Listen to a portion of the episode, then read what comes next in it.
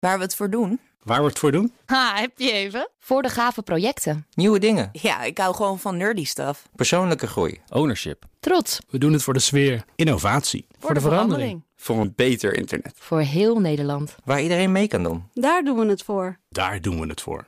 Waar doe jij het voor? Kom werken voor KPN en groei op jouw manier. Check de actuele vacatures op het gebied van data, security, development en networking op jobs.kpn.com/tech. Wetenschap vandaag. Terwijl veel bomen in de winter helemaal geen blaadjes aan de takken hebben, behouden de naalden van sparren, hè, de kerstbomen, dat wel. Hè. Ze behouden hun positie aan de takken en ook hun groene kleur.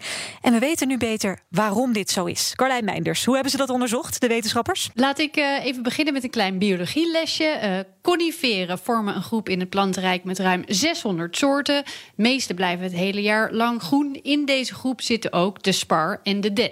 Onze kerstbomen, dat zijn bijna allemaal sparren, uh, blijven dus mooi groen in de winter. Mm, ik zie het, ik heb er namelijk ook eentje thuis uh, staan. Mm. Maar ze wisten eigenlijk nog niet zo goed hoe dat kwam. Een lange tijd niet, maar nu is dat anders, vertelt onderzoeker Stefan Jansson van de Umeå Universiteit in Zweden. Ik vroeg hem eerst waarom hij dit eigenlijk wilde gaan onderzoeken. Why doesn't everyone wants to know this? At least in this part of the world where we have conifers, where pines and spruce everywhere. And you kind of take it for granted that they are there and that they are green in the middle of the winter. But i've been intrigued about this for actually for 30 40 years. Once throughout my scientific career i would like to address this subject.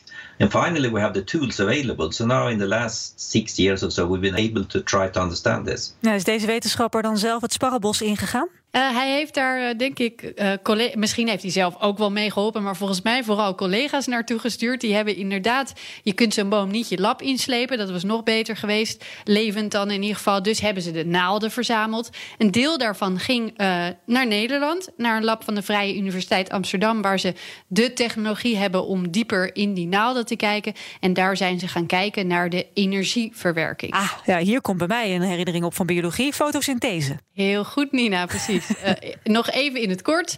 Koolstofdioxide en water worden omgezet in koolhydraten, in bouwstenen en brandstof. En voor het verwerken van die koolstofdioxide is lichtenergie nodig, zoals zonlicht. Uit dit proces komt ook zuurstof vrij, die wij dan weer lekker kunnen inademen. Maar in de winter verandert er het een en ander. Ja, wat dan? Bomen waar de bladeren van vallen, die halen snel alle voedingsstoffen uit die bladeren, uit de groene delen. Daardoor verkleuren de bladeren ook. Die slaan ze dan veilig op en dan gaan ze in een soort winterslaap. Maar bij bomen die groen blijven, gebeurt dat net even anders. Gaan we weer even terug naar die fotosynthese. Dat proces heeft namelijk twee systemen. Kind of a big machine with two engines. And the two engines they have to operate in parallel all the time. Because one engine is not enough to drive the car. You need two engines. And typically you couple these ones to each other. So then one engine drives and then the other engine sort of adds on to the other one.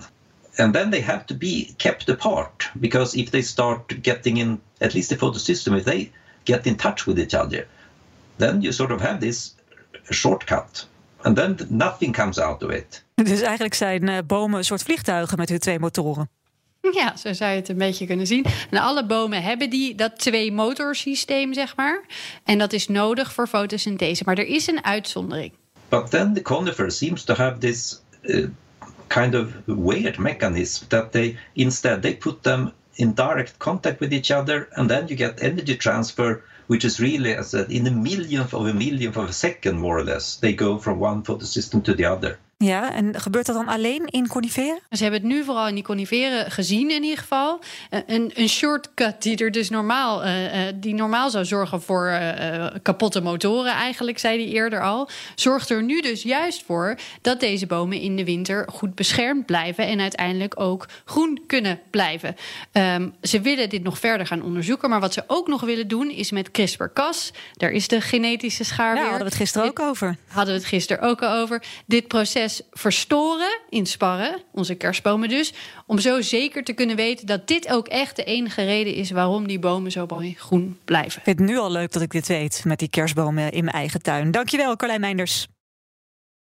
Ook Thomas van Zeil vind je in de BNR-app. Je kunt live naar mij luisteren in Zaken doen. De BNR-app met breaking news, het laatste zakelijke nieuws... en je vindt er alle BNR-podcasts, bijvoorbeeld Het Nieuwe Geld. Download nu de gratis BNR-app en blijf scherp.